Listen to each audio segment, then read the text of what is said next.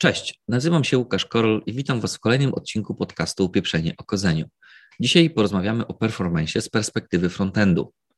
Co tak naprawdę mamy na myśli, mówiąc performance na froncie, jakie są jego granice, czy i jak go mierzyć i co najważniejsze, co ma na niego wpływ, na co należy zwrócić uwagę, aby w praktyce móc budować wydajne rozwiązania frontendowe. Na te pytania będziemy próbować odpowiedzieć wraz z moimi gośćmi, którymi są dzisiaj Bartek Wasiluk. Cześć Bartek. Cześć. Oraz Przemek Grząsa. Cześć Przemek. Cześć. Cześć chłopaki. E, zacznijmy od najbardziej ogólnej kwestii, ale takiej fundamentalnej dla naszej dzisiejszej rozmowy, bo spróbujmy sobie powiedzieć, o czym tak naprawdę mówimy, y, kiedy mówimy o performance na frontendzie.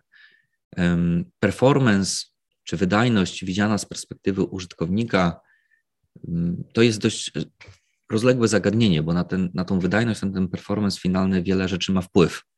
Tak, poczynając od tego, jak działa nasz backend, jakie mamy y, otoczenie sieciowe, połączenie z internetem, jak mamy wydajne urządzenie, no i finalnie też jak właśnie mm, zachowuje się sam nasz y, frontend. Więc Spróbujmy sobie to jakoś y, y, nakreślić, zdefiniować, powiedzieć sobie, gdzie ten performance akurat na frontendzie się zaczyna, a gdzie się kończy.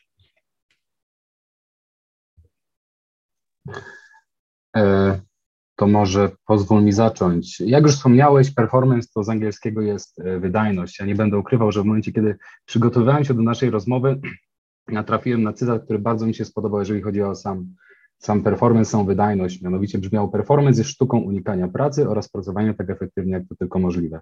Jakoś mi się tak to spodobało, stwierdziłem, że, e, że może dobrze byłoby od tego, od tego zacząć. Jeśli natomiast chodzi o e, performance e, frontendu, jest to jedna ze składowych performance'u e, całej aplikacji.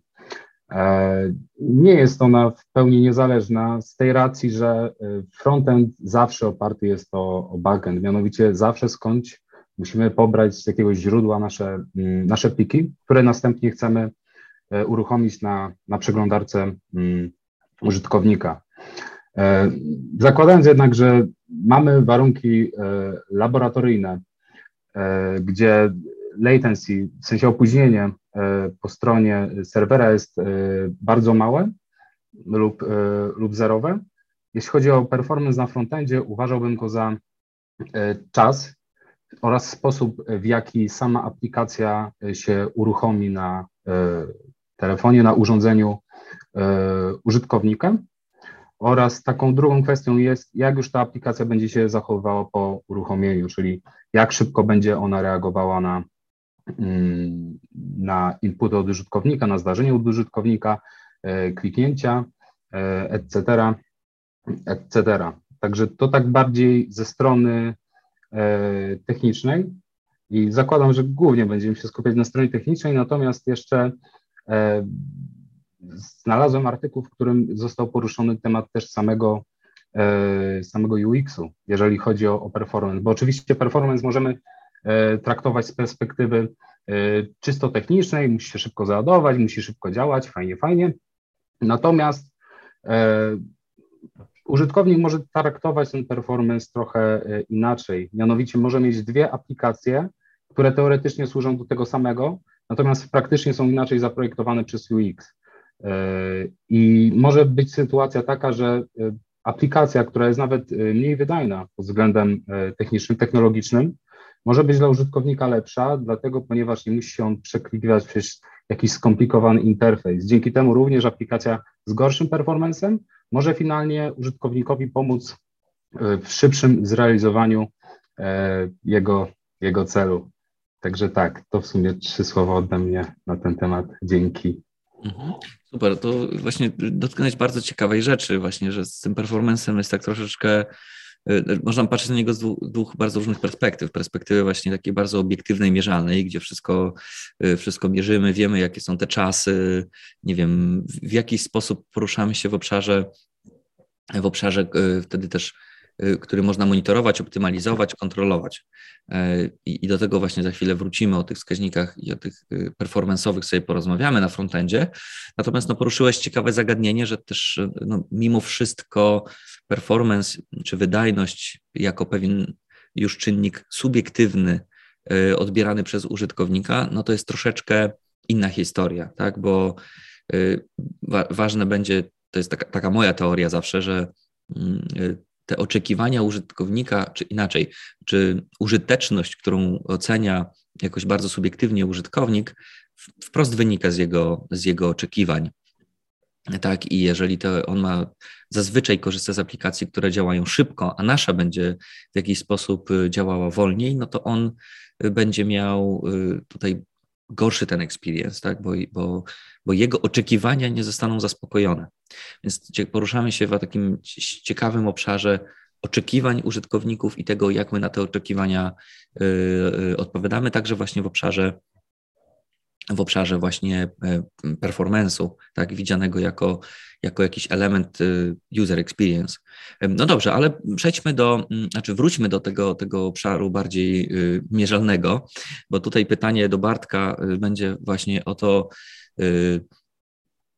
czy istnieją y, jakieś y, w miarę ustalone, standardowe wskaźniki, metryki, y, które, które szczególnie w, obszarze frontendu mówią nam o tym, jak, jak ta aplikacja performuje. Tak, tak. Oczywiście, że istnieją. Takim chyba najlepszym przykładem jest, są metryki z Lighthouse'a, E, czyli narzędzia w sumie do mierzenia performance'u, a także innych e, metryk, e, tego jak można powiedzieć dobra, jak, jak jakościowa jest nasza strona. I w sumie przechodząc tak do mięsa, czyli jakie są metryki, bo chyba to jest takie najważniejsze. Oczywiście to jest, to jest dostępne, te informacje są łatwo dostępne, ale może nie zawsze chce się je zrozumieć albo sprawdzać, bo powiedzmy mamy dobry wynik, się cieszymy, mamy zły wynik, tam olewamy i tyle. Więc e, pierwszym takim elementem jest FCP, czyli First Contentful Paint. E, na polski to jakby pierwszy namalowany tam obraz, tak to nazwijmy. Chodzi o to, kiedy jakby strona od, można powiedzieć, e, rozpoczęcia, od otwarcia strony, kiedy wyświetli się cokolwiek na stronie. E, jakby załaduje się już drzewko dom, cokolwiek, nie wiem, pierwszy. Czasami to jest nawet biała strona, ale już można powiedzieć, że tam coś się zaczyna dziać. E, I tutaj tak, to, to jest dosyć, dosyć istotny czynnik, ale, ale są ważniejsze. Jest dosyć mierzalny, tak? Bo to jest po prostu czas. E, kolejnym takim, takim e, wskaźnikiem, i ten, ten jest dosyć e, trudniejszy do zrozumienia, jest speed index. I tutaj to jest ciekawe, bo Lighthouse nagrywa jakby wideo strony, jak, jakby ładującej się strony, i później jest, jakoś analizuje, jak, nawet dokładnie nie wiem jak, ale jak się zmienia ta strona na tym wideo, czyli kiedy coś się zmienia, w jakim czasie i po prostu jakiś daje taki speed index score, czyli tam wskaźnik szybkości i to też jest e, w milisekundach podane. Jak to jest dokładnie liczone, nawet nie wiem, ale to też jakby Najważniejsze czynniki to jak szybko się ładuje strona, e, jak szybko się wyświetlają rzeczy i czy się zmieniają. E, kolejnym e, wskaźnikiem podobnym do pierwszego jest LCP, czyli Largest Contentful Paint i chodzi o to, to jest metryka, która wskazuje jakby ile czasu potrzeba na załadowanie największego obrazka czy bloku tekstu na stronie. E, czyli no, powiedzmy na samej górze mamy tylko jakiś tekst, ładuje się szybko, od razu widać, ale może, może być tak, że przeskrolujemy chwilę, a tam czekamy na obrazek kolejne 5 sekund. Więc to także jest coś mierzalnego w milisekundach, czyli e, jakby taki naj, najcięższy, najcięższy moment na stronie, ile zajmie, żeby go zobaczyć. E, czwartym wskaźnikiem jest e, time to interactive, czyli po jakim czasie nasza strona będzie dostępna na akcję użytkownika. I tutaj jest dosyć ważny fakt, że jakby ten czas zaczyna się liczyć wtedy, albo kończy się liczyć wtedy, kiedy akcja użytkownika jest wykonana po 50 milisekundach. Czyli tak naprawdę już nic tam cięższego nie może się dziać, czyli te akcje muszą działać już od razu. Nie, że tam będzie się zacinać i nie wiem, klikniesz po sekundzie coś odpowie przeglądarka. Nie, to jakby już jest taki E, te akcje już muszą być płynne i jakby ta strona musi być faktycznie gotowa do interakcji z użytkownikiem.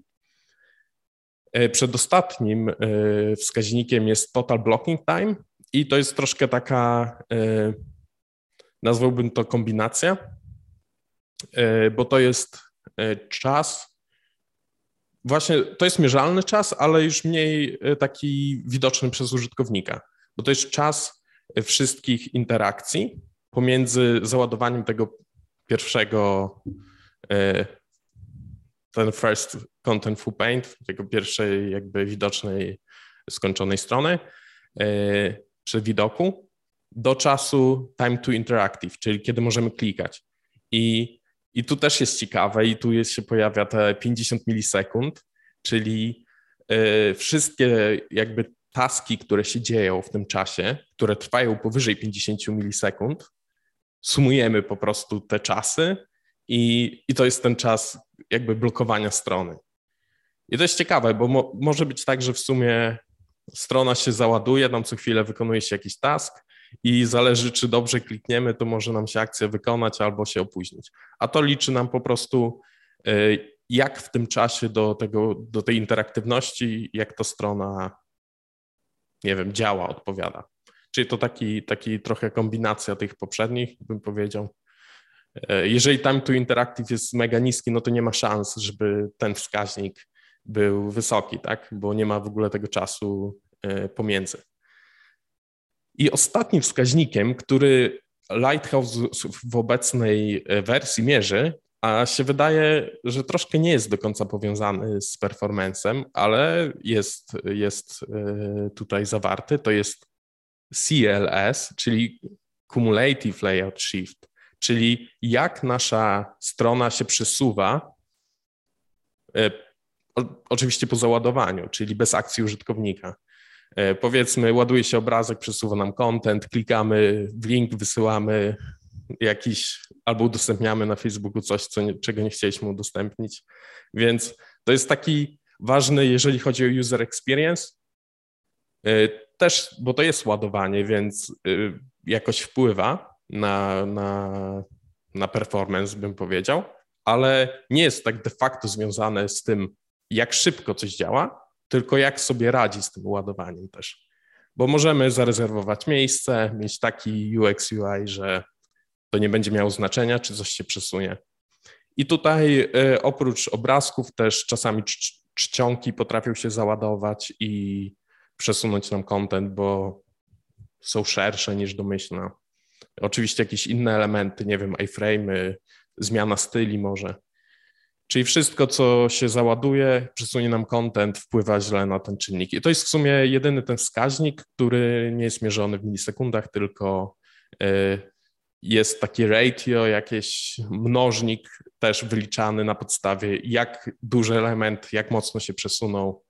E, to jest jakoś mnożone, sumowane, uśrednione i, i mamy taki tak naprawdę od zera do jednego wskaźnik. Mhm. Okej. Okay. No właśnie, e, to powiem szczerze, że jest w sumie dużo jest e, tych wskaźników. Tak, pierwsze, to jest takie moje pierwsze wrażenie.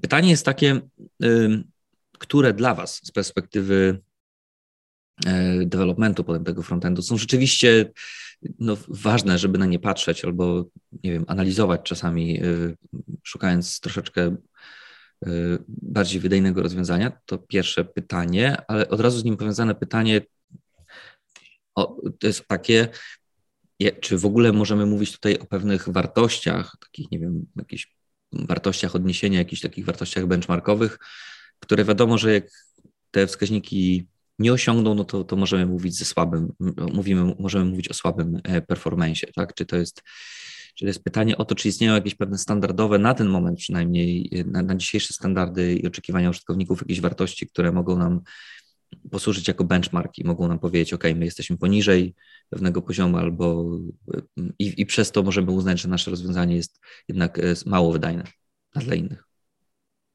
Mm, tak. E, jakby Lighthouse e, przychodzi z, z kalkulatorem, bym powiedział, oceną tego performance'u i te wartości są zdefiniowane na sztywno. Oczywiście one potrafią się różnić przy mierzeniu strony, bo strona nie za, nie za każdym razem tak samo się załaduje, e, jakoś tam maszyna może być bardziej obciążona, mniej, ale te, ten kalkulator bierze te wartości, te milisekundy, ten wskaźnik ostatni i wylicza na podstawie jakichś wag e, ten ogólny performance strony.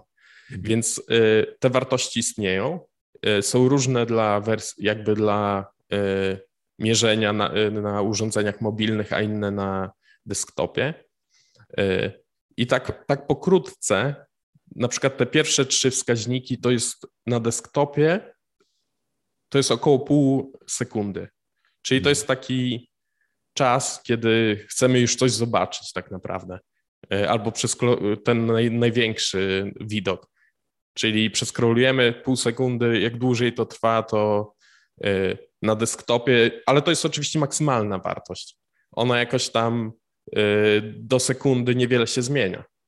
Y, I co ciekawe, na, na wersji jakby mobilnej tych wskaźników, tego kalkulatora, y, wartości, jakby żeby otrzymać maksymalną ocenę, możemy, może zająć to dłużej. Mhm. Ale najgorsza ocena jest jakby już krótszym czasem na, mobi- na, na urządzeniach mobilnych. Czyli jakby to jest ciekawe, bo strona, która się ładuje w miarę szybko, może na, na wer- w wersji mobilnej otrzymać lepszą ocenę niż w desktopowej, ale jeżeli to jest wolna strona, to może być na odwrót. Mhm. Czyli to, to jest dosyć ciekawe. Oczywiście yy, tutaj dochodzi takie coś, że jednak te urządzenia mobilne są wolniejsze, więc raczej ten wynik zawsze będzie gorszy. Mhm.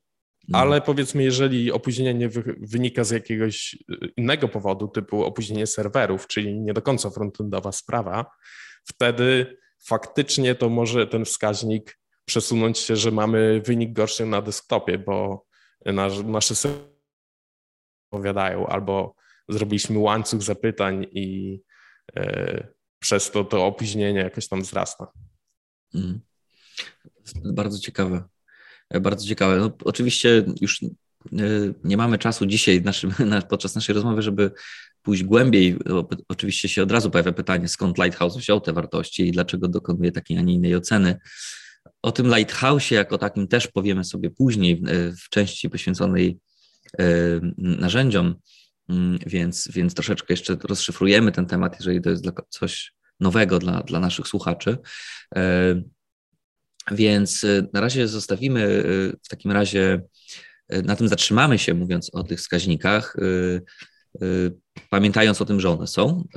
Jest ich wiele, dotyczą różnych aspektów i ten Lighthouse ze swoimi wartościami referencyjnymi może nam pomóc w ocenie tego, czy nasze rozwiązanie na poziomie frontendu jest odpowiednio e, wydajne. W takim razie chciałbym, żebyśmy od razu przeskoczyli do tego, co jest w sumie y, taką kwintesencją y, naszego spotkania dzisiejszego, czyli chcieli, chcielibyśmy porozmawiać o tym, co na ten performance wpływa, tak? czyli jakie są zagadnienia, aspekty, dobre praktyki, złe praktyki, które będą w tej grze o dobry performance naj, naj, najważniejszymi y, graczami. Tak? I tutaj, y, zanim zaczniemy, krótko wspomnę, o czym w ogóle będziemy rozmawiać, tak? bo będziemy rozmawiać o bundle size, będziemy rozmawiać o egzekucji skryptu, o asetach oczywiście, będziemy rozmawiać o, o cachingu, o komunikacji z API. To są te główne zagadnienia, które będziemy chcieli poruszyć jako takie, które wybraliśmy do omówienia zagadnień właśnie związanych z performancem na frontendzie, no to zacznijmy od tego bundle size'a. Tutaj mm, pewnie Przemek od Ciebie zaczniemy. Co to w ogóle ten bundle size jest i, i, i dlaczego to jest istotne w obszarze performance'u i jak można to optymalizować z perspektywy performance'u? Mhm. Tak, przepraszam. Jeżeli chodzi o sam bundle size, jest to mm, jakby, można powiedzieć, wynikowa, e, wynikowy rozmiar naszego, e, naszego kodu. Wiadomo, pisząc aplikację, e, tak naprawdę w momencie pisania aplikacji nie przejmujemy się, aby kod był jakby jak najbardziej, e, jak najbardziej ściśnięty. Liczy się dla nas przede wszystkim, e, przede wszystkim czytelność, dlatego sam kod w momencie developmentu może być dużo, dużo większy niż ten kod, który finalnie ląduje na produkcji. Aby nasz kod deweloperski mógł pójść na produkcję i być jednak, jednak dużo mniejszy, używamy różnych, różnych narzędzi, takich jak Webpack albo E, Vite.js, dzięki którym e, możemy w bardzo efektywny sposób zmniejszyć e, rozmiar naszych, naszych plików. Także podsumowując tak, bundle size jest, jest jakby rozmiarem plików, które pójdą od nas na produkcję. Wiadomo, im mniejszy jest ten bundle size, tym lepiej. Klient musi pobrać, pobrać mniej kodu, Prawdopodobnie z racji, że bundle size jest mniejszy, będzie mniej e, JavaScriptu e, dostępnego do, do odpalenia podczas na przykład pierwszego, mm, podczas pierwszego kontaktu z aplikacją, dzięki czemu metryki, o których wspomnieliśmy wcześniej, e, mogą być dużo lepsze niż w przypadku pobrania dużej części kodu. Jeżeli chodzi o, o, o bundle size, z tego, co czytałem, średnio e, kod JS-owy wynosi około 350 e, kilobajtów na, e, na stronie, gdzie Google, a przynajmniej jeden z jego deweloperów dosyć słynnych, Eddie Osmani, sugeruje, aby ten jakby krytyczny JS nie miał więcej niż 170, 170 kilobajtów. No i oczywiście, co, co zrobić w momencie, kiedy ta nasza aplikacja jest jednak zbyt duża? No wtedy musimy zacząć kombinować, czyli e, musimy e, skupić się na najbardziej potrzebnych e, funkcjach użytkownika, które powinny być dostępne dla niego od razu po, e, po załadowaniu się strony. Część z tych funkcji, e, które również mogą być potrzebne, natomiast mniej możemy mm, spakować do, e, do innego chunka i możemy załadować ten chunk później, dzięki czemu jakby inicjalne odpalenie strony user experience z tym związany będzie, będzie dużo lepszy niż w przypadku, e, gdyby ten bundle size był, e, był duży. I pytanie teraz, w jaki sposób kontrolować, aby ten bundle size nie był zbyt duży. Oczywiście są aplikacje i są aplikacje. Jedna aplikacja będzie pokazywać nam cztery zdjęcia ze śmiesznymi kotkami i prawdopodobnie nic nie będziemy musieli robić, aby, aby aplikacja sama w sobie działała dobrze. Inna aplikacja natomiast może zajmować się dużo, dużo bardziej skomplikowanymi e, procesami i w tym momencie już musimy się e, zastanowić, w jaki sposób e, z tą aplikacją, mm, z tą aplikacją pracować. Jak wszyscy wiemy, nie ma tak, że piszemy jakby kod od zera, bardzo, bardzo często korzystamy z różnych bibliotek. Warto zwracać uwagę na to, aby nasze dependencies, z których korzystamy, były w miarę w miarę małe. Tutaj z pomocą nam na przykład może przyjść taka strona jak bundlefobia.com, gdzie wpisujemy nazwę dependencji, które byśmy chcieli pobrać i od razu mamy, mm, mamy pokazane, y, ile to dependencji, mm, ile to dependencji może mieć. Mm, tak, ale w sumie nie wiem, czy za bardzo się y, nie rozgadałem na ten temat, także, także może oddam głos y, Tobie Łukasz albo Tobie, tobie Bartku. Więc ja od razu zapytam, bo to, co wspominałeś y, o tym, że możemy sobie ten kod podzielić i ładować w oddzielnych czankach, czy tutaj już miałeś na myśli y, y, ten tak zwany lazy loading, czy to jeszcze nie jest lazy loading i czy przy okazji może sobie też powiedzmy, co to jest lazy loading i jak może on nam pomóc, albo jak może też nam zaszkodzić. Może w takim razie już pójdźmy dalej. Bartek, wywołamy Ciebie do odpowiedzi. Jeżeli chcesz coś na ten temat powiedzieć, to, to, to, to leć. Dobra, mogę trochę się ja rozgadać tym, tym razem. E, tak, lazy loading, jeśli chodzi o e, kod JavaScriptowy, no to tak, to są te czanki doładowywane albo przy otwarciu jakiejś nowej strony, ewentualnie czasami przy, nie wiem, dodaniu jakiegoś komponentu, który tam dynamicznie się pojawia, albo przy przeskrolowaniu. Więc tak, to jest lazy loading. E, nie wiem, czy tu jest dużo więcej do powiedzenia. To jest też ciekawe zagadnienie, bo nie zawsze e, większe podzielenie na te czanki e, sprawia, że nasza strona jest szybsza. Szczególnie na urządzeniach mobilnych, kiedy korzystamy z sieci 3G, gdzie występują opóźnienia E, czasami to doładowywanie powoduje, że nasza strona ostatecznie ma gorszy user experience. I to jest często takie trochę granie na ślepo może, bo to zależy od, od, od urządzenia i od sieci, więc na, dla każdego użytkownika ten experience może być inny i każdy może e, jakby może go przyciągać co innego, albo właśnie, że chce od razu zobaczyć, co jest na stronie, a może jak już jest na stronie, to E, wiesz, chcę od razu mieć wszystko gotowe, więc to jest e, bardzo subiektywne, e, subiektywna rzecz i tutaj jednak to wymaga jakiegoś testowania, takiego sprawdzenia, jak nasza strona się zachowuje, może trakowania użytkowników, jak korzystają z naszej strony i jak to wpływa na, jak wydajność na to wpływa. Mhm, Okej. Okay. No, wydaje się, że naturalnie ten lazy loading jest takim naturalnym rozwiązaniem w sytuacji, gdy, gdy mamy do czynienia z bardzo dużym rozwiązaniem. Tak? No, można sobie wyobrazić takie jakieś kombajny, duże aplikacje, które mają dużo finalnej logiki w sobie, dużo różnych bardzo widoków. Czyli już tu nie mówimy o jakiejś prostej aplikacji czy stronie internetowej, tylko bardziej jakimś, nie wiem, jakimś interfejsie jakiejś złożonej platformy czy systemu wręcz, który, który ma bardzo wiele elementów i no zakładam, że wtedy bez, bez lazy loadingu jakby ani, e, e, ani rusz. E, I tutaj nie da się nie da się jakby pominąć tego, tego zagadnienia, natomiast oczywiście jeżeli chodzi o, o mniej złożone rzeczy, mniej złożone aplikacje, może nie, gdzie nie jest to takie oczywiste, czy ten lazy loading nam pomoże lub nie, no to trzeba uważać. Jest jakaś taka pewnie szara strefa, w której ten lazy loading może pomóc, ale może też zaszkodzić. Y, i, i to nie jest taka oczywista decyzja, że jak już na pewno go użyjemy, to, już, to na pewno będzie lepiej. Tak, to, to jest chyba najważniejsza myśl, y, która, mm, którą warto wyłowić z tego, co Bartku powiedziałeś.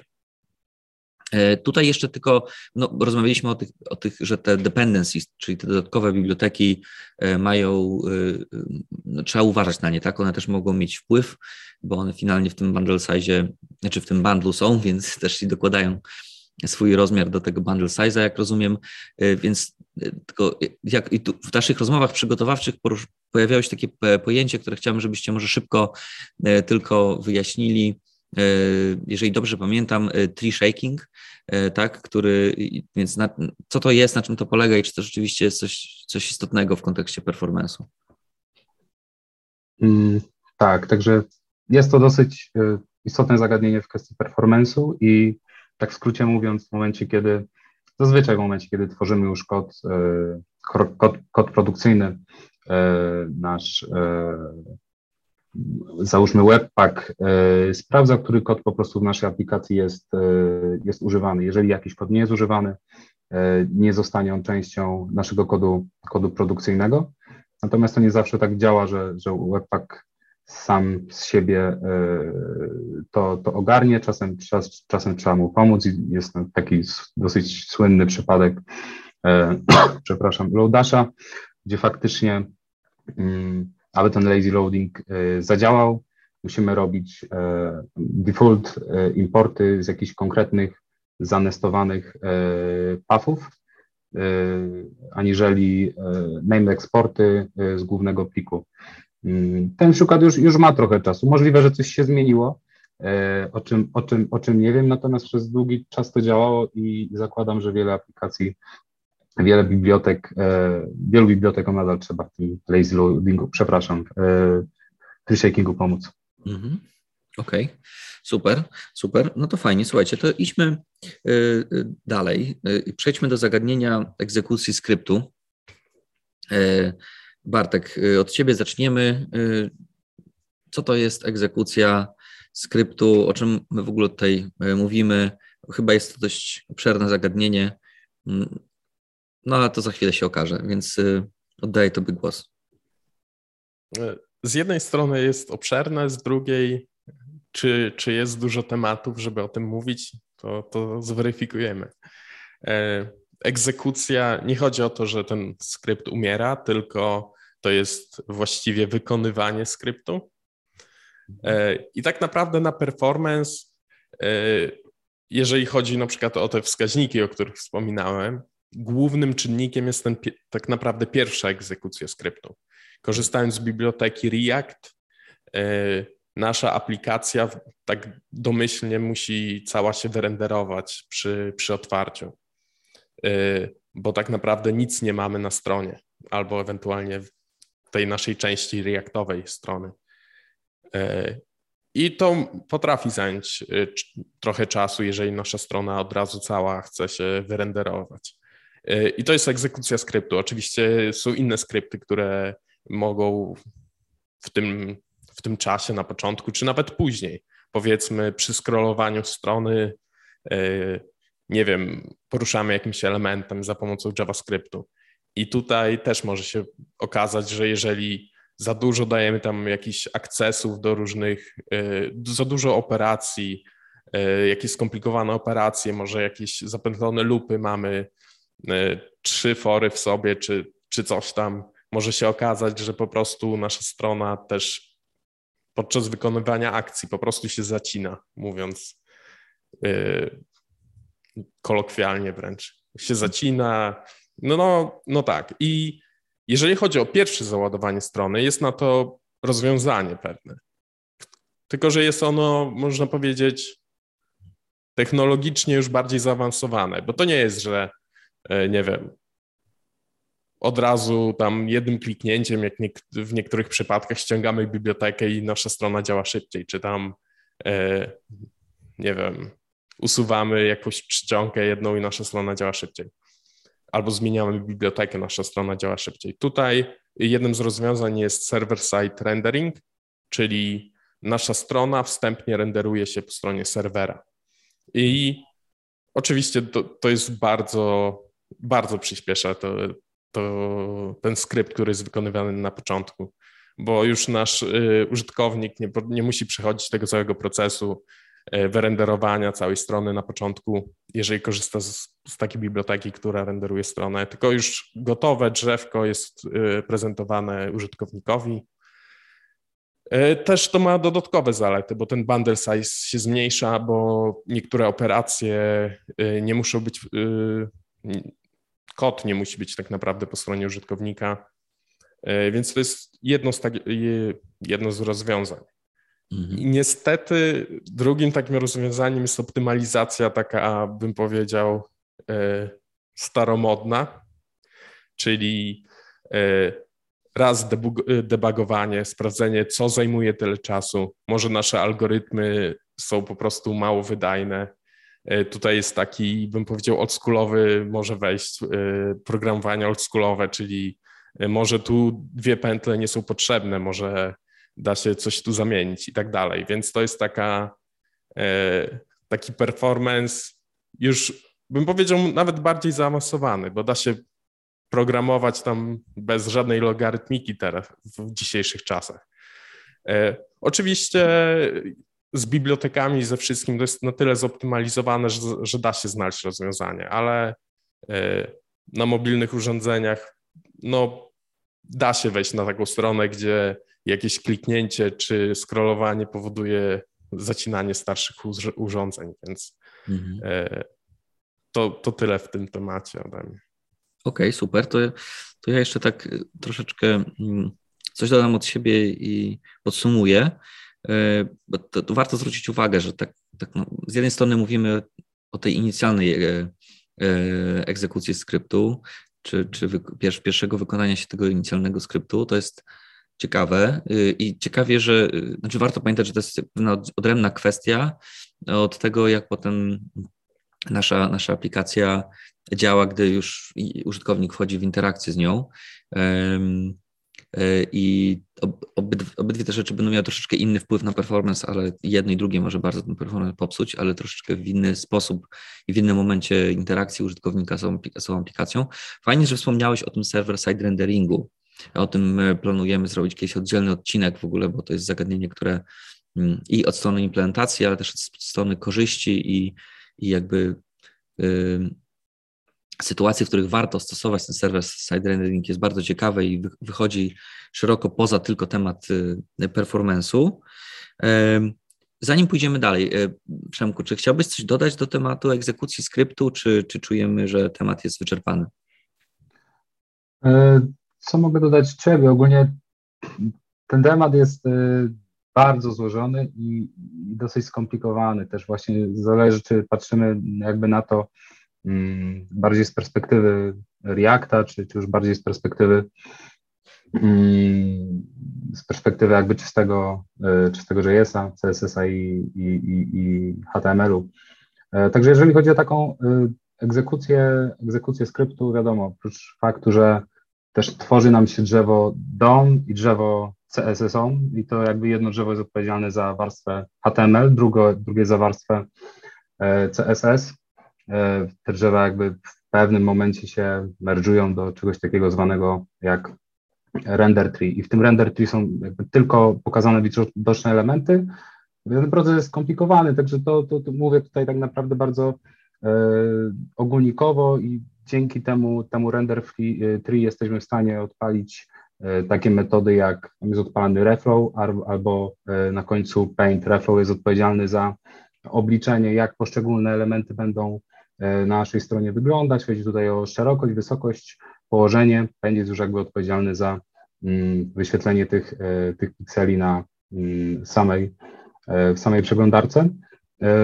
Co do tej egzekucji skryptu, myślę, że tutaj tylko warto, warto powiedzieć, że JavaScript oferuje nam kilka ciekawych wbudowanych, wbudowanych funkcji, dzięki którym ten skrypt można ładować zawsze w trochę, w trochę inny sposób. Mamy coś takiego jak e, na przykład preload i jest to, zostało to wprowadzone w momencie, kiedy mm, zaczęliśmy pracować na e, protokole HTTP w wersji 2.0, e, dzięki czemu to jakby serwer sam nam jest w stanie spuszować jakieś konkretne pliki, że załóżmy łączymy się z serwerem, aby pobrać indeks HTML, ale z racji, że na przykład e, czcionki mają e, taki e, tag, taką, taką flagę o nazwie preload, jesteśmy w stanie od razu wraz z tym HTML-em otrzymać czcionki, czy na przykład prerender, gdzie jesteśmy też w stanie prerenderować jakieś konkretne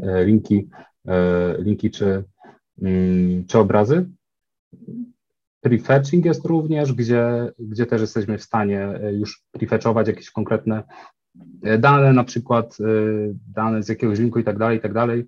E, także tak, o tym, o tym można sobie poczytać, tego, te, tego jest dużo więcej, natomiast chciałbym właśnie, żeby słuchacze mieli, mieli świadomość, że, że jakby jeszcze z perspektywy takiego czy, czy, czystego JS-a jest kilka jakby, jakby to powiedzieć, kilka, kilka specjalnych komend, które nam potrafią ułatwić, ułatwić życie w momencie, kiedy mamy jakiś problem e, z performance. Dzięki. Okej, okay, super, fajnie. E, to w takim razie przejdźmy do zagadnienia asetów. E, asetów, czyli jak rozumiem, tak najczęściej pewnie jakichś obrazków, które, które się ładują na, na stronę, pewnie jakichś filmów, wideo w dzisiejszym świecie, gifów i tak dalej. Właśnie, więc powiedzmy sobie trochę o tym, jak te asety, y, y, jak to zagadnienie asetów wpływa na performance, jak może go zabić, jak może pomóc, jak optymalizować performance w kontekście tych asetów, bo jednak rezygnować z wyświetlania y, tych obrazków i tych filmów nie chcemy, ale jednocześnie chcemy, żeby aplikacja działała możliwie jak najszybciej i jak do tego podejść. Więc może zacznijmy Przemek od Ciebie, potem Bartek będzie ten temat ewentualnie uzupełniał. Mhm. Racja, także tak jak wspomniałeś, e, asety, które nie są przystosowane do naszej strony, faktycznie ten performance mogą nam mm, zabić, a przynajmniej, przynajmniej go trochę e, pokiereszować. E, w przypadku na przykład image'u, e, images może się to wiązać ze spadkiem, e, ze spadkiem, jeśli chodzi o scoring w LCP, czyli Largest Contentful Paint, o którym Bartek wcześniej wspomniał. W momencie, kiedy jesteśmy na przykład na telefonie mobilnym, a pobieramy obrazek, który równie dobrze moglibyśmy wyświetlić na naszym 65-calowym telewizorze 4K. Prawdopodobnie to nie ma sensu. E, I użytkownik, który siedzi w pociągu, gdzieś tam w środku lasu, jest, ma tylko dostęp do, do sieci mobilnej 3G, prawdopodobnie ten obrazek mu się nigdy nie wczyta, albo wczyta mu się, e, wczyta mu się bardzo późno, dlatego e, warto właśnie się zastanowić nad tym, aby te obrazki były mm, jak najbardziej przystosowane do e, urządzenia. Przepraszam, E, także tak, e, jak ogólnie działamy w tej kwestii, aby, aby te w tym przypadku obrazki były najlepiej przystosowane? Wiadomo, używamy e, najnowszych, najnowszych formatów, czyli aktualnie jest to WebP, ewentualnie AVIF, natomiast ja też osobiście dosyć rzadko tak naprawdę na stronach spotykam, także prawdopodobnie i tak dobrze, dobrze skalowany jakby JPG będzie, będzie dużo lepszy niż jakiś tam duży, duży, duży, duży obraz, stwórzmy, e, PNG. E, w jaki sposób możemy kontrolować to, jaki obraz ma mm, rozmiar? Bardzo dużo serwisów typu Image e, CDN umożliwiają nam dodanie query w momencie, kiedy chcemy pobrać jakiś obrazek i na tym query możemy ustalić szerokość, możemy ustalić wysokość, możemy usta ustalić też e, quality, dzięki czemu wykrywając e, w aplikacji frontendowej, na czym, e, na jakim urządzeniu użytkownik siedzi, czy jaka jest przekątna ekranu, na tej podstawie możemy pobrać jakiś konkretny rozmiar, który będzie najlepiej mm, działał dla, mm, dla użytkownika. Przepraszam. E, tak, Możemy to również zrobić, możemy na przykład założyć, że, że, że mamy jakiś komponent typu mamy e-commerce, mamy karuzelę i na tej karuzeli pokazujemy różne e, produkty. Oczywiście te produkty mają e, jakieś zdjęcia. Mm, zakładamy, że obrazki są największe na wersji desktopowej. Wtedy z pomocą nam przychodzą takie Mm, atrybuty e, od image jak sourceset i sizes, dzięki czemu jesteśmy w stanie e, ustalić sourceset, czyli są to różne, mm, różne źródła naszego obrazka i sizes, dzięki któremu manipulujemy, e, który, który source powinien zostać faktycznie, faktycznie pobrany. Także tak, warto, warto mieć, warto o tym pamiętać, warto również o tym pamiętać, aby jednak te imidże nie były częścią naszego E, bundla. Jest to raczej logiczne, że zdjęcie konkretnego produktu nie będzie częścią bundla, natomiast warto się zastanowić, czy, czy logo sklepu już powinno być. Logo sklepu możliwe, że tak, ale możliwe, że logo sklepu się różni w momencie, kiedy mamy e, wersję drukowaną strony. To już odchodzi raczej, raczej do lamusa, coraz mniej osób się tym przejmuje, natomiast ja takie wymagania jeszcze w tamtym roku dostałem, także, także też, też warto o tym pamiętać warto, warto myśleć, co wsadzamy faktycznie do tego mm, bundla. I jeżeli chodzi o imidże, podobnie jak komponenty, możemy używać natywnego e, lazy loadingu, dzięki czemu e, imidże dopiero wczytają się w momencie, kiedy na nie e, zjedziemy. Tak, oczywiście trochę się rozgadałem o imidżach, bo prawdopodobnie to jest jedna z dwóch najważniejszych asetów, jeżeli, jeżeli chodzi o, o, o web. Drugim są oczywiście E, web fonts, czyli, czyli czcionki, też font i czcionka, mówi się, że to nie jest to samo, ale raczej e, każdy będzie e, wiedział o co chodzi. I tu się warto zastanowić. Po pierwsze, warto porozmawiać, popatrzeć na, załóżmy, dostajemy jakiś obrazek z Figmy, jest tam przedstawiony, jak nasza strona powinna wyglądać i widzimy, że na naszej stronie są trzy różne czcionki warto wtedy od razu zastanowić się, czerwona lampka się powinna zapalić, powinniśmy porozmawiać z naszymi X-owcami, czy to na pewno jest, mm, na pewno jest potrzebne. Mm, tak, jeśli chodzi o. Ja na przykład spotkałem się z przypadkiem, kiedy miałem requirement, aby jedynie tak naprawdę jedno słowo na konkretnej stronie było w konkretnej czcionce, co jest lekko y, no, absurdalne to złe słowo, natomiast nie jest to do końca, do końca, do końca przemyślane i może lepiej poprosić, aby mm, taki UX-owiec dostarczył nam jakiś konkretny plik y, SVG czy, czy coś takiego. Mm, jeżeli chodzi o web mm, bardzo dużo, bardzo, bardzo długo to wyglądało tak, że e, dużo, dużo firm, dużo osób korzystało z fontów e, googlowskich i tak, tak było przez lata, natomiast teraz e, Google już sugeruje, aby jednak samemu sobie hostować te fonty. Mm, to wygląda tak dlatego, bo to miało bardzo dużo plusów. Znaczy, największym plusem tak naprawdę było to, że te fonty były keszowane w różnych miejscach na świecie, dzięki czemu użytkownik, który wcześniej e, odwiedził inną stronę, w momencie, kiedy wchodził na naszą stronę, miał już ten font e, przygotowany. Natomiast to się, to się zmieniło i już taki cache między stronami e, w przeglądarkach nie działa. Także, także mm, dlatego jest sugerowane, z racji bezpieczeństwa, dlatego to jest sugerowane, aby mieć jednak te mm, web fonty u siebie. No tak, i warto pamiętać o tym, że, przepraszam, każda przeglądarka ma jakieś swoje wbudowane fonty, e, takie apel do X-owców. Może, może warto się zasugerować e, tym i w momencie, kiedy będziecie projektować jakieś nowe, mm, nowe, nowe strony, może, może, może warto skupić się jednak na czcionkach, które użytkownik ma, na pewno nam to trochę ułatwi pracę. Dzięki. Super, dzięki. E, Bartku, chciałbyś coś dodać do tematu asetów? Tak, jeszcze takie e, sobie dwa tematy, których teraz nie było, e, wypunktowałem.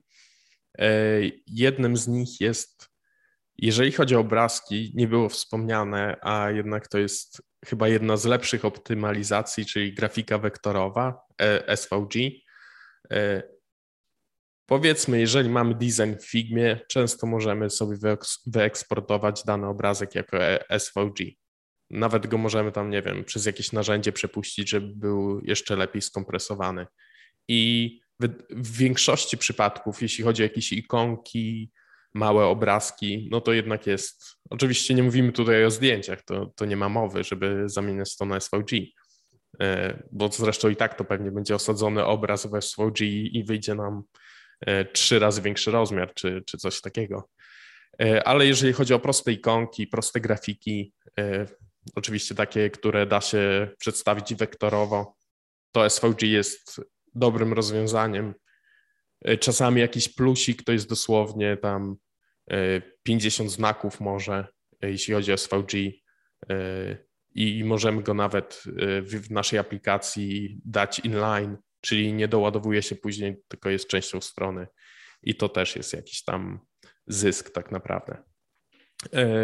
I drugim tematem, o którym jeszcze który chciałem uzupełnić, to jest y, to, o czym mówiłem, czyli layout shift, czyli oprócz oczywiście ładowania y, tych obrazków jest jeszcze kwestia, czy przesunie nam się y, ekran po załadowaniu obrazka, ewentualnie innej rzeczy. I tutaj właśnie przychodzą takie narzędzia, które pomagają nam często bo powiedzmy design y, nam nie pomaga. Obrazek jest wyświetlony po prostu gdzieś tam po środku, może być mały, może być duży, nie wiemy jaki będzie.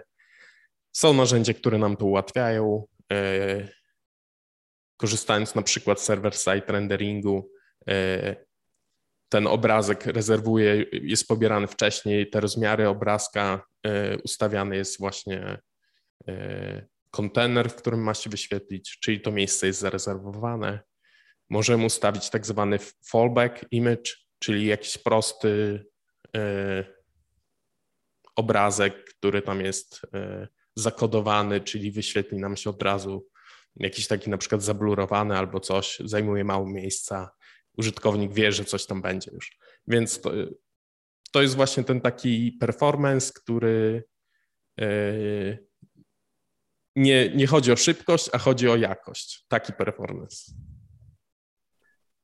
Ja może jeszcze tutaj wspomnę, bo faktycznie y, Bartek wspomniał o tym layout shifcie co do obrazków i mm, z webfontami możemy mieć podobny problem, że wczyta nam się załóżmy najpierw defaultowy font, później jednak uda się pobrać ten oryginalny font, zrobi się niestety przeskok na stronie, natomiast aby, aby, aby to mm, tym zarządzać jest też taka opcja e, CSS-owa e, font display, e, także dla zainteresowanych warto się z tym, z tym zapoznać, jeżeli, jeżeli byście się faktycznie spotkali z jakimś problemem, jeżeli chodzi o layout shift przy, przy web fontach. Dzięki. Mhm, super, fajnie tak trochę się sam do siebie w, w głębi uśmiechnąłem, jak mówiliście o tym SVG, bo niestety pamiętam czasy, kiedy przeglądarki nie, nie, nie, nie obsługiwały SVG formatu i, um, albo jakaś jedna tylko, nie? I tak fajnie by było, gdyby można było to wyświetlić, ale no, fajnie, że dzisiaj już tego problemu nie ma. Um, super, słuchajcie, to w takim razie idźmy do zagadnienia e, cachingu. E, osobiście zupełnie nie mam bladego pojęcia, e, co to jest caching w kontekście frontendu i jak to w praktyce może wpłynąć na, e, na performance, więc temat niezwykle interesujący. Bartek, Ciebie poproszę o rozpoczęcie tego tematu. Tak. Tutaj y, też jest ciekawe właśnie, jak, jak mówisz, zagadnienie, bo troszkę potrafi się nawet zacierać granica między backendem a frontendem w obecnym czasie, e, jeśli chodzi o ten caching. E, tutaj takim pierwszą rzeczą, która przychodzi mi na myśl, to jest oczywiście caching danych pobieranych z, API na przykład. To jest taka, wydaje mi się, podstawa, kiedy pobieramy te dane e, i czy je zachowujemy, czy tylko wtedy, kiedy pobieramy je, mamy później że tak powiem, zapominamy o nich i pobieramy jeszcze raz. E, więc tak, to jest, to jest dosyć prosty temat. E, istnieje mnóstwo narzędzi, które nam pomaga kaszować te dane. E, możemy sami w prosty sposób kaszować, mając aplikację, korzystając z jakiejś biblioteki, to oczywiście jest dużo metod do zapamiętywania danych. I Oczywiście tutaj największy zysk mamy wtedy, kiedy mamy słabe połączenie z internetem. Y, ten zysk potrafi być po prostu, y, że tak powiem, niesamowity, jeśli chodzi o kaszowanie zapytań z API. Jeżeli mamy opóźnienie powiedzmy 3 sekund, mamy dwa zapytania, które musimy wykonać po sobie, bo tak działa API, mamy 6 sekund. To dla niektórych użytkowników może być, być albo nie być na stronie. Mhm. E, I tutaj chętnie bym oddał Przemkowi mm, głos, żeby wypowiedział się może o innych, jeżeli widzi w sferach cachingu. Tak, tak. Tak jak, tak jak Bartek wspomniał, e, to się dosyć zaciera tak naprawdę między, między backendem a e, frontendem. Jeżeli chodzi o, o statyczne, właśnie HTML, CSS, JS, mm, dobrze mieć na względzie, aby te pliki były E, zakeszowane. Zdaję sobie z tego, że często jest to odpowiedzialność e, backendu, natomiast my jako frontend deweloperzy musimy też mm, to jakby kontrolować e, i w razie czego i w razie czego prosić o jakieś ewentualne poprawki. Ciężko sobie wyobrazić, że za każdym razem jak wchodzimy na LinkedIna, Facebooka, Udemy, cokolwiek, za każdym razem pobierana jest od nowa ta, ta sama paczka sama paczka tych y, JS-ów, HTML-ów i tak dalej, i tak. Mm, także myślę, że bardzo by to y, obciążyło sieć na całym świecie. Ciężko, ciężko mi powiedzieć, jakie byłyby skutki. Może, może przesadzam, natomiast, natomiast wydaje mi się, że jednak jakiś problem, e, jakiś problem e, mógłby być. E, także tak, warto, warto, warto mieć na względzie, aby, aby, aby pliki JS-owe, HTML-owe, CSS-owe były e, były kaszowane, żeby tam cache oczywiście był też w jakiś sposób e, rewalidowany, żeby nie było tak, że będziemy mieli jedną wersję aplikacji. E, załóżmy, że użytkownik będzie korzystał z wersji aplikacji, która jest już e, nieaktualna. Ona może mu po prostu mm, wtedy po prostu nie działać w momencie, kiedy też następuje jakieś zmiany z API. Mm, także warto, warto mieć na względzie, aby cache ten działał w miarę dobrze. Służy do tego flaga cache control, na niej możemy ustalić, jak długo dany plik będzie fresh w przeglądarce, także przeglądarka będzie mogła z niego bez problemu korzystać. Po jakim czasie będzie stale, czyli w momencie, kiedy będzie stale, będzie trzeba go zrewalidować. Zazwyczaj robi się to za pomocą mm, taga, natomiast, yy, natomiast tak, tutaj, tutaj tu też można, można bardzo, bardzo głęboko e, wejść w ten, e, w ten temat. No i tak jak Bartek wspomniał, keszowanie właśnie zapytań mm, typowych, typ, typowych na, na backendzie jest, na frontendzie jest bardzo ważne, ale myślę, że o tym jeszcze coś dzisiaj wspomnimy. Dzięki. Mhm. Super. No fajnie, fajnie. To w takim razie hmm, przejdźmy właśnie do tego ostatniego już y, zagadnienia, też bardzo ciekawego, naturalnego dla tematu zagadnienia performance'u i całego w ogóle frontend developmentu, czyli komunikacji z API. E, właśnie, więc co w obszarze komunikacji z API, y, na co trzeba zwracać uwagę, aby, aby, aby ten performance był dobry. Y, tutaj już wspomnieliście o, o tym właśnie temacie E, jakiegoś rodzaju cachingu danych e, pobieranych z tego API, tak żeby one nie ładować je za każdym razem bezmyślnie, tylko, tylko być choćby troszeczkę wydajnym, sprytnym, jeżeli chodzi o to, co z tego, jak wykorzystujemy te dane, które z API nas przychodzą. No ale zakładam, że to nie jest jedyne zagadnienie, e, więc zacznijmy od Ciebie, Przemek. Komunikacja z API. Mhm. E, tak, także tak jak Bartek wspomniał w sumie w poprzednim, w poprzednim rozdziale, E, ważne jest to, aby te mm, dane były e, powiedzmy keszowane, w sensie w momencie, kiedy e, załóżmy chcemy sobie pobrać dane na temat jakiegoś, jakiegoś produktu, z jakiejś, z jakiejś racji e, mamy dwie podstrony, które mogą z tej, z tej samej, e, z tych samych danych korzystać.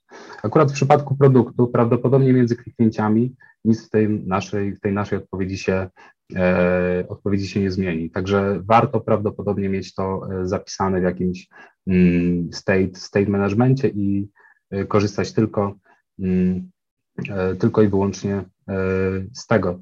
Oczywiście sytuacja, sytuacja może wyglądać trochę inaczej w momencie, kiedy mamy jakieś dane, które e, zmieniają się jednak dosyć, e, dosyć często w czasie, natomiast tutaj zawsze e, każda aplikacja jakby mm, ma inne problemy i ciężko, ciężko, ciężko znaleźć jakby jakiś złoty, złoty środek na, mm, na handlowanie, zgubiłem polskie słowo, tych, tych danych. Natomiast wszystko, e, najważniejsze jest to, żeby e, zawsze wszystko robić, e, robić z głową. W momencie, kiedy jesteśmy na stronie głównej, załóżmy w naszym, w naszym sklepie, a chcemy sobie zmienić, chcemy, a mamy możliwość przejścia na stronę z paymentsami, prawdopodobnie na tej stronie głównej te paymentsy nam nie są potrzebne, także nie warto ich pobierać zawczasu, warto dać użytkownikowi możliwość przejścia na tamtą konkretną stronę, wtedy możemy te paymentsy E, zmienić. Obok może być jeszcze strona, gdzie chcemy zmienić nasz e, adres, adres doręczenia. Też nie warto tego, tego importować na stronie głównej, na stronie e, czy stronie, stronie paymentsów. Każda strona ma jakby swoje, swój ograniczony mm, jakby pakiet, mm, pakiet odpowiedzialności. Mm, no i w kontroli tak naprawdę najprostszym narzędziem jest po prostu pracowanie z otwartym network tabem. Jeżeli widzimy, że zapytań do API jest za dużo albo odbywają się one w złych momentach, mm, prawdopodobnie jest coś źle i wymaga to otworzenia etykieta albo po prostu zdebagowania od razu. Zależy w jaki sposób, mm, zależy w jaki sposób pracujemy. Mm, często też na frontencie korzystamy z różnych rzeczy, które pomagają użytkownikowi znaleźć jakiś konkretny produkt. Mam tu na myśli autosugestie. Mm, prawdopodobnie nie warto robić zapytania do API wraz z każdym kliknięciem klawiatury, mm, ponieważ tych zapytań będzie bardzo dużo, jednak będziemy nasz serwer e, stre przepraszam, stresować i no jest to, jest to raczej rzecz, która, która nie powinna się dziać. Mamy takie taką metodę jak debounce, dzięki której możemy wysłać jakieś zapytanie dopiero załóżmy po 500 milisekundach od momentu, w którym użytkownik zakończy, mm, zakończy pisanie na klawiaturze. Także to jest taki, taki jeden z przypadków. Mm, Tak, jeżeli chodzi o, mm, o, o inne narzędzia, jest takie narzędzie jak React Query, ono jest ostatnio bardzo popularne. Ono umożliwia też, z, przepraszam, zarządzanie, zarządzanie kontaktem z API w bardzo, bardzo ciekawy sposób, natomiast E, nie wiem, może Bartek ma tutaj większe doświadczenie, bo ja osobiście jeszcze za dużo z tym nie miałem okazji pracować, na pewno, ale wiem, że na pewno jest to warte mm, wspomnienia, przynajmniej aby ktoś poszukał na własną rękę, ponieważ e, bardzo dużo e, znajomych w branży mi polecało tą bibliotekę, także może warto się mm, nad tym zastanowić. Jeżeli chodzi o komunikację z API, są jeszcze mm, takie dwie kwestie, jak informowanie użytkownika o jakiejś akcji, która się aktualnie dzieje.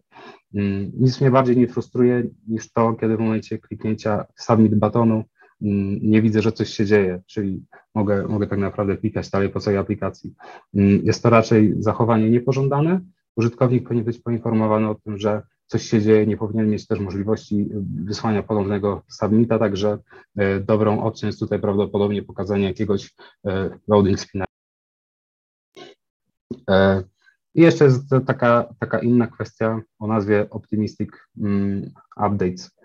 Mm, weźmy pod uwagę na przykład e, Instagram, możemy komuś tam zalajkować zdjęcie, mm, klikamy, klikamy na serduszko i możliwe, że ten call do API zajmie nam trochę czasu. Może być to sekunda, mogą być to dwie sekundy. Lepiej podejść do tego w stylu Optimistic Updates, czyli od razu w kliencie zmienić serduszko na, na kliknięte, zaznaczone. Prawdopodobnie nic się nie wysypie, także użytkownik nawet, nawet nie zauważy, że było tutaj jakieś opóźnienie. Jeżeli się wysypie, wtedy użytkownikowi rzucimy błędem, e, natomiast w znacznej wielkości, w większości przypadków mm, takie, takie coś powinno użytkownika mm, ucieszyć i powinno działać. I w sumie to jest z mojej strony. Dzięki.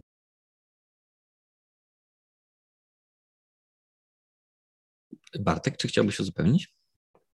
Mm, w sumie, w sumie mogę jeszcze coś powiedzieć, chociaż te, te tematy tak wyczerpująco, że tak powiem, wyczerpująca odpowiedź. Oczywiście tutaj y, duże, duże jakby rola jest backendu, y, czyli może też współpracy z backendem. Jeżeli mamy już gotowe API, no to czasami nie możemy dużo zrobić. Jeżeli mamy wpływ, możemy też poprosić może e, o pewne funkcjonalności. E, tutaj e, oczywiście ważnym, ważnym albo dużym jakby udogodnieniem byłoby użycie GraphQL albo możliwość, tak jak ostatnio rozmawialiśmy, po prostu mniej danych przesyłanych, dostajemy to, co chcemy. Też oczywiście, jeżeli chodzi o restowe API, tak samo możemy cache'ować, ale w GraphQL mi się wydaje, że to jest takie troszkę lepiej dostosowane do cache'owania. E, tak. E, jeżeli nawet nie korzystamy z GraphQL-a, to też są, istnieją restowe rozwiązania, że przekazujemy, jakie pola chcemy mieć zwrócone. To też, jeżeli to są duży, jakby dużo danych pobieramy, to może mieć faktycznie duże znaczenie.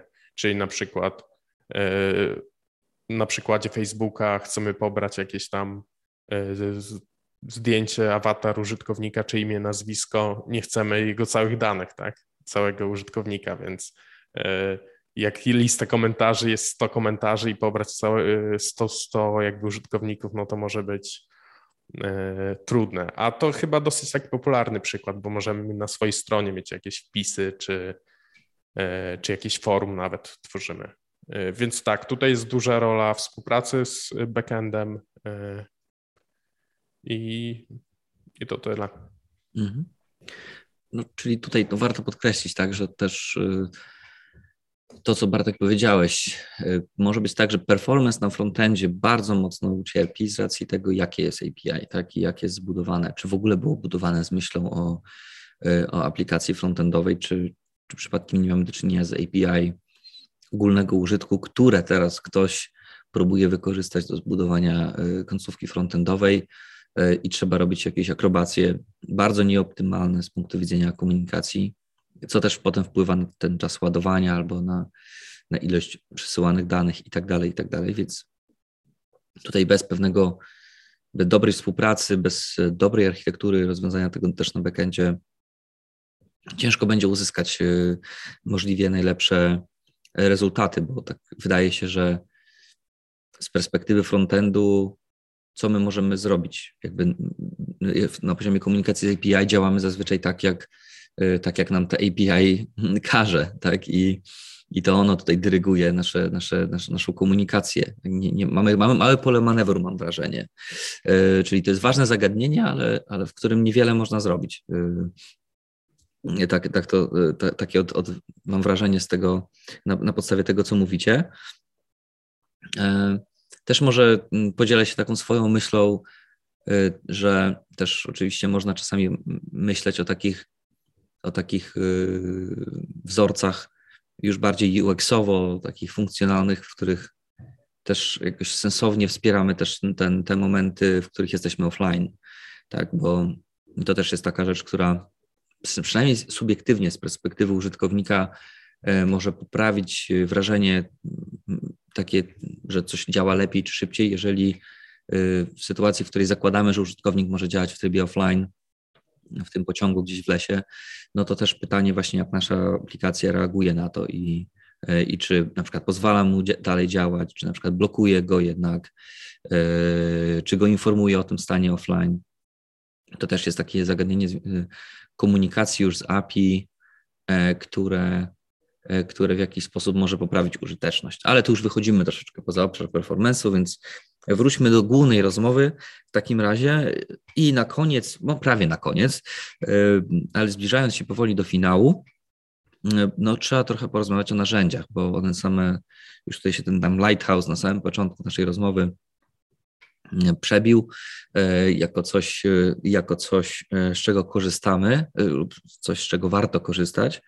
E, więc e, Bartku, do Ciebie prośba o to, żeby tego Lighthouse'a nam troszeczkę przybliżyć e, i powiedzieć właśnie jakim, jak z niego korzystać w praktyce, jeżeli chodzi o, o, o monitorowanie performance'u. Okej. Okay. Lighthouse przychodzi do nas z narzędziami od Chroma, DevToolsami. To jest oczywiście jedno miejsce, gdzie możemy Lighthouse'a użyć. I e, też przy okazji wspomnę, że w DevToolsach istnieją oczywiście inne sposoby mierzenia wydajności. Możemy e, po prostu zająć się e, debuggingiem, czyli zobaczyć, ile dana akcja, jaki kod zajmuje. To jest oczywiście takie już dogłębne sprawdzenie, gdzie są problemy, jaki skrypt się wykonuje dużo, czy może renderuje się coś za długo.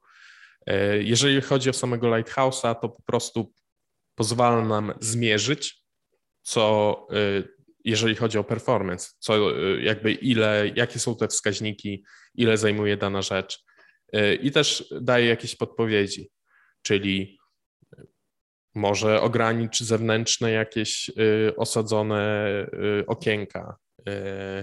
Ten skrypt tu w tym miejscu zajmuje za dużo czasu tu jakieś eventy mogą y, być inaczej napisane, przez co y, scrollowanie użytkownika będzie płynne. Więc istnieje szereg, do każdego z tych wskaźników istnieje, istnieją jakieś podpowiedzi, y, jak można ulepszyć stronę, czyli ten obrazek przesuwa content, co dalej. Już nawet nie pamiętam, o na przykład fonty ładują się jakoś tam po kolei może spróbuj jakoś inaczej je załadować albo ograniczyć liczbę. Więc e, jak to uruchamiamy? Po prostu odpalamy Chroma, mamy zakładkę Lighthouse e, i tam możemy uruchomić, oprócz performance'u są oczywiście inne wskaźniki dotyczące SEO, e, accessibility.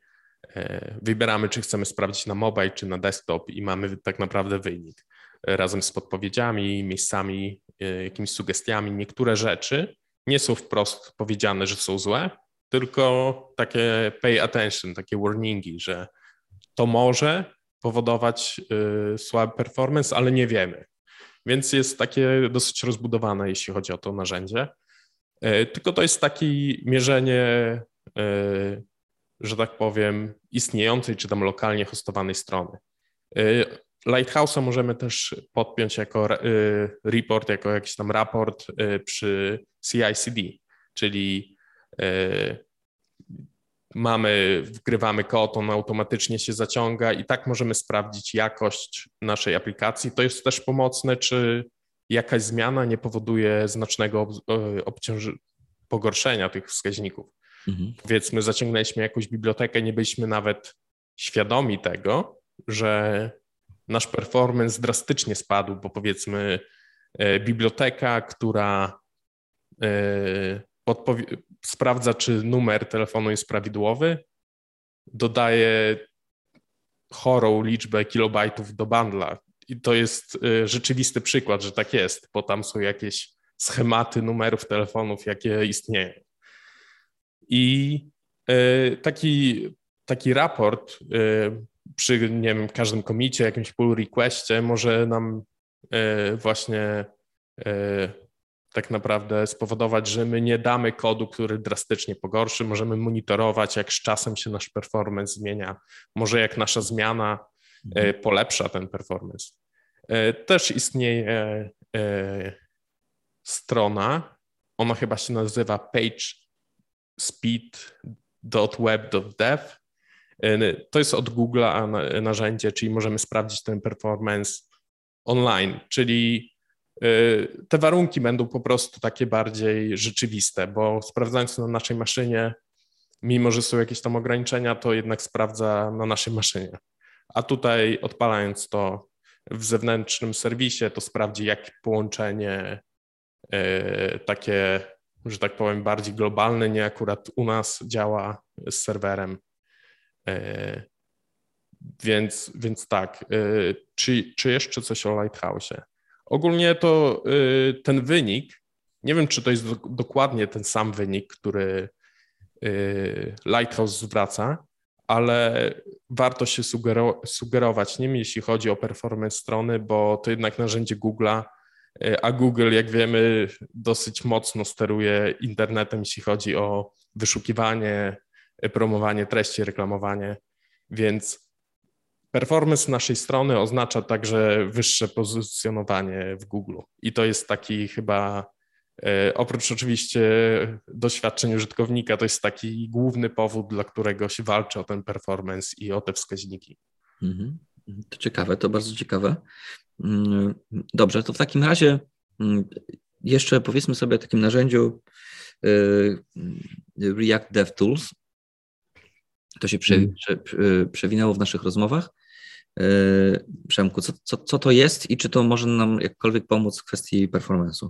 Jasne, a mogę zrobić jeszcze jedną wrzutkę co do Lighthouse'a? A oczywiście, oczywiście. Proszę. Super, dziękuję ślicznie. E, tak, jeżeli, jeżeli chodzi o Lighthouse'a, e, dosyć przydatny jest jeszcze e, fakt, że Lighthouse jest też w wersji e, CLI, dzięki czemu jesteśmy w stanie mm, odpalać to e, za pomocą, za pomocą terminala. I kiedy to się może przydać? No na przykład wtedy, kiedy na naszej stronie również jest zainstalowany Google Tag Manager. E, ludzie z marketingu rzucający właśnie różne, różne tagi, różne skrypty na naszą stronę, niekoniecznie ich największą potrzebą jest to, aby strona była szybka. Oczywiście cała firma by się cieszyła z tego powodu, natomiast bardzo często im zależy na trak, trak, trakowaniu ruchu i tak dalej, i tak dalej. I z mojego doświadczenia wiem, że w momencie, kiedy zrobimy, odpalimy Lighthouse'a, natomiast zablokujemy e, dostęp do tych e, skryptów, czyli po prostu nasza przeglądarka ich nie będzie pobierać, e, wyniki mogą skoczyć do góry drastycznie. Także, także warto, warto, warto pamiętać też o tym, że jest CLI i, i warto kontrolować też rzeczy, które są wrzucane przez Google Tag, Google Tag Manager. Mm, co do React DevToolsów, e, tak, no, na pewno bardzo przydatne. E, o ile Lighthouse nam mm, bardziej pokazuje już nasz e, kod tak stricte, stricte z jakimiś, z jakimiś podpowiedziami, tutaj przy React DevToolsach takich stricte podpowiedzi nie dostaniemy, co powinniśmy inaczej zrobić, natomiast możemy ustawić w React DevToolsach, aby za każdym razem, kiedy komponent się przerenderuje, mm, aby zamigał, aby jego tam e, border czy otoczka, otoczka zamigała, dzięki, te, dzięki czemu jesteśmy w stanie już organoleptycznie kontrolować, czy faktycznie coś się, coś się renderuje tyle razy, ile powinno.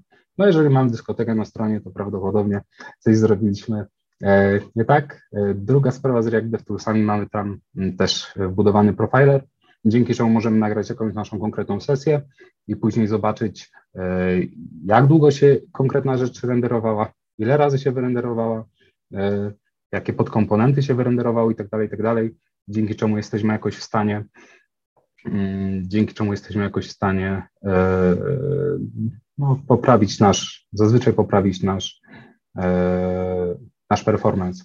Może jeszcze pozwólcie, że wspomnę tutaj o takiej jednym narzędziu, albo jeszcze, bo wa warto też pamiętać o tym, jeżeli chodzi o e, testowanie e, stron, testowanie wydajności stron, że, mm, że nie każda nasza strona, którą kontrolujemy, musi, musi działać e, jak najszybciej, to możliwe.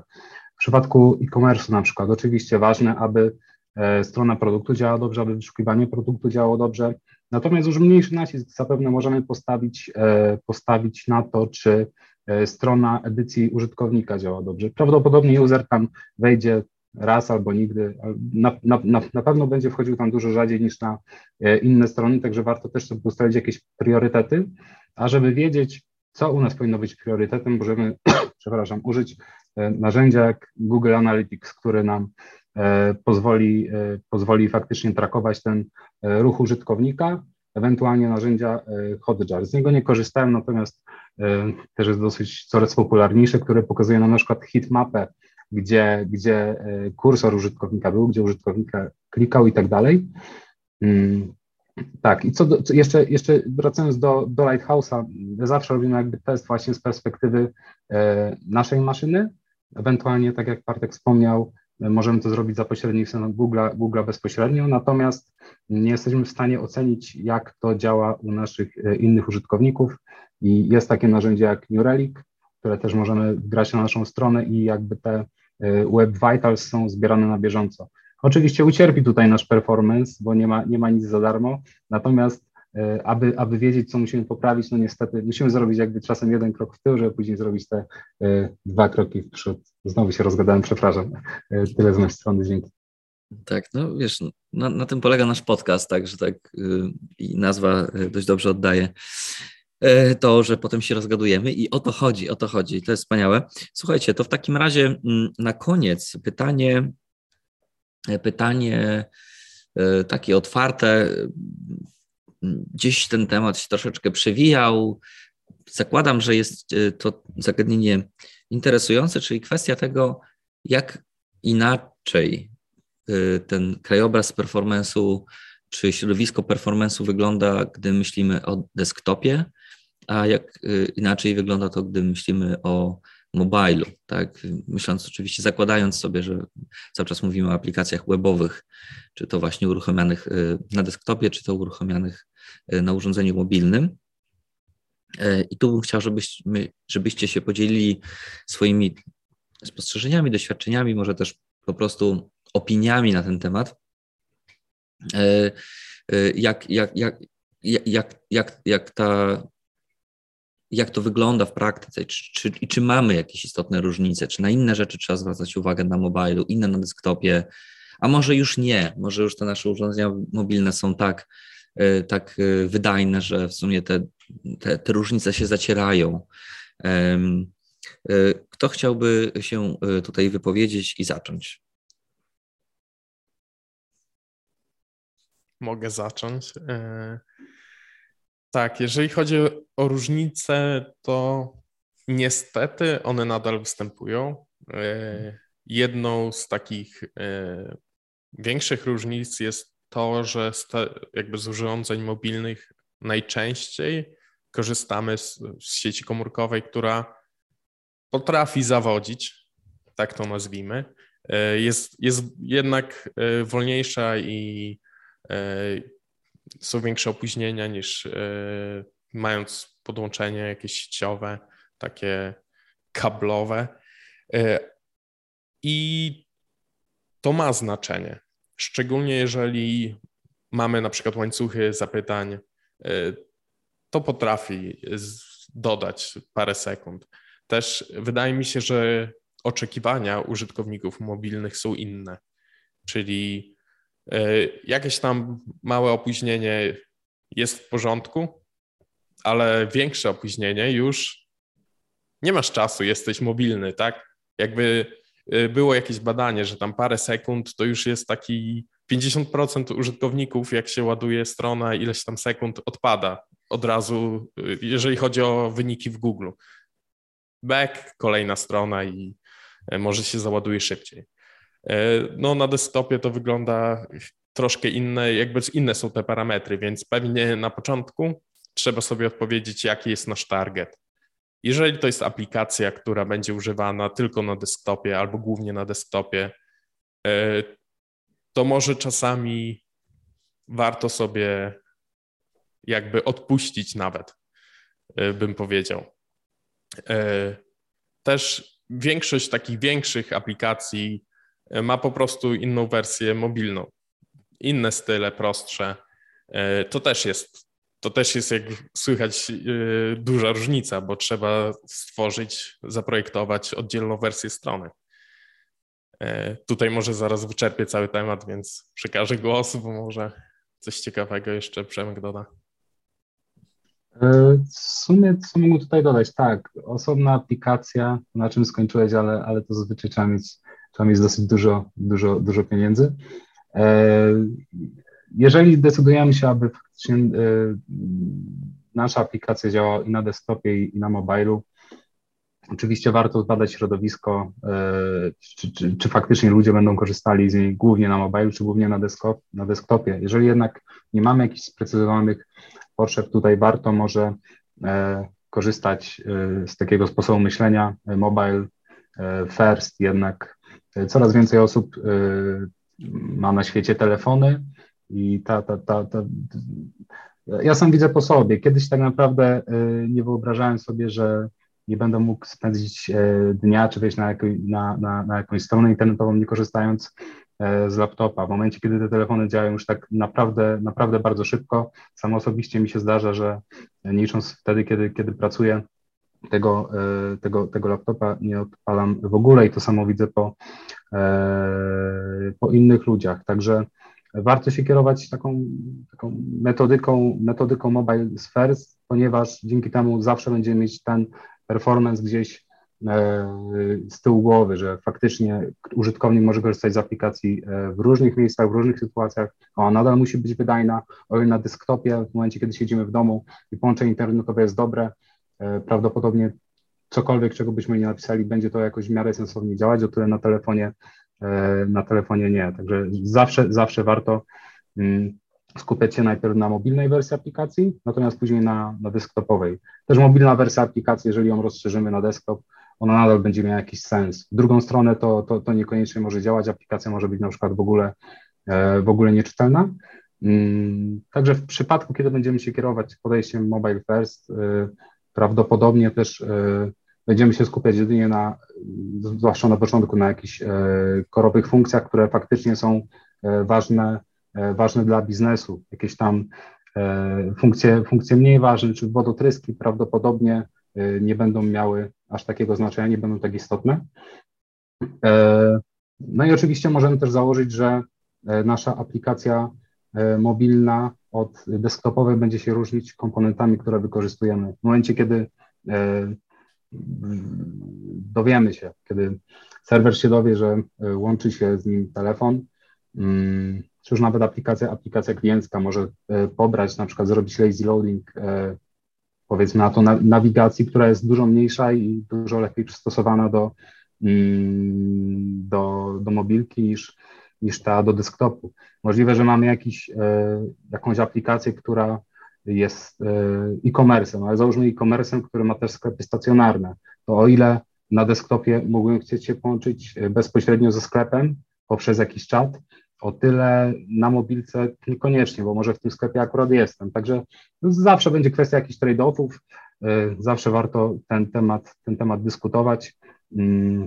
Natomiast tak jak, tak jak wspomniałem y, wcześniej, w momencie, kiedy będziemy się głównie skupiać na wersji, wersji mobilnej, zawsze ta, ten performance będzie u nas jakby wyżej w naszych jakby wartościach niż, niż w przypadku, kiedy piszemy aplikację typowo pod, pod desktop. Natomiast jak Bartek wspomniał, nie każda aplikacja potrzebuje wersji, wersji mobilnej, także to też jest inny temat. Dzięki.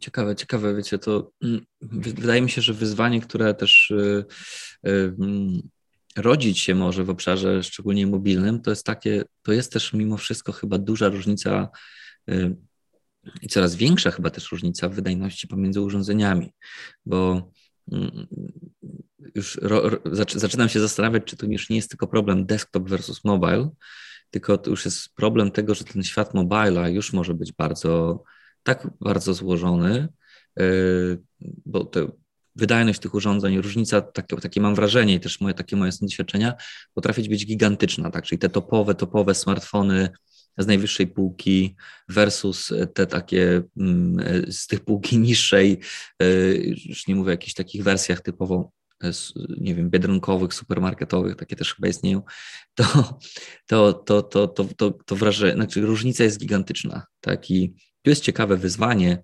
e, już e, na poziomie takim powiedzmy biznesowym i tych wymagań niefunkcjonalnych związanych z, e, z wydajnością, żeby dobrze to przewidzieć i dobrze to założyć, bo zrobienie aplikacji, która działa super szybko i fajnie na, na jakiegoś topowego Samsunga Galaxy najnowszego, może skończyć się totalną porażką, jeżeli się okaże, że w grupie docelowej zupełnie mamy innego rodzaju urządzenia więc no, pojawia się taki problem no, wiedzy i, i, i, świadomości tego, jak rzeczywiście to wygląda w tej grupie docelowej, czyli jaki jest ten naj, y, no, jaka jest, jaki jest udział w tym y, telefonów może mniejszej wydajności. I wtedy ten problem, y, problem performance'u staje się jeszcze bardziej, bardziej widoczny. No, co więcej, jest znowu kwestia tej też dostępu do sieci.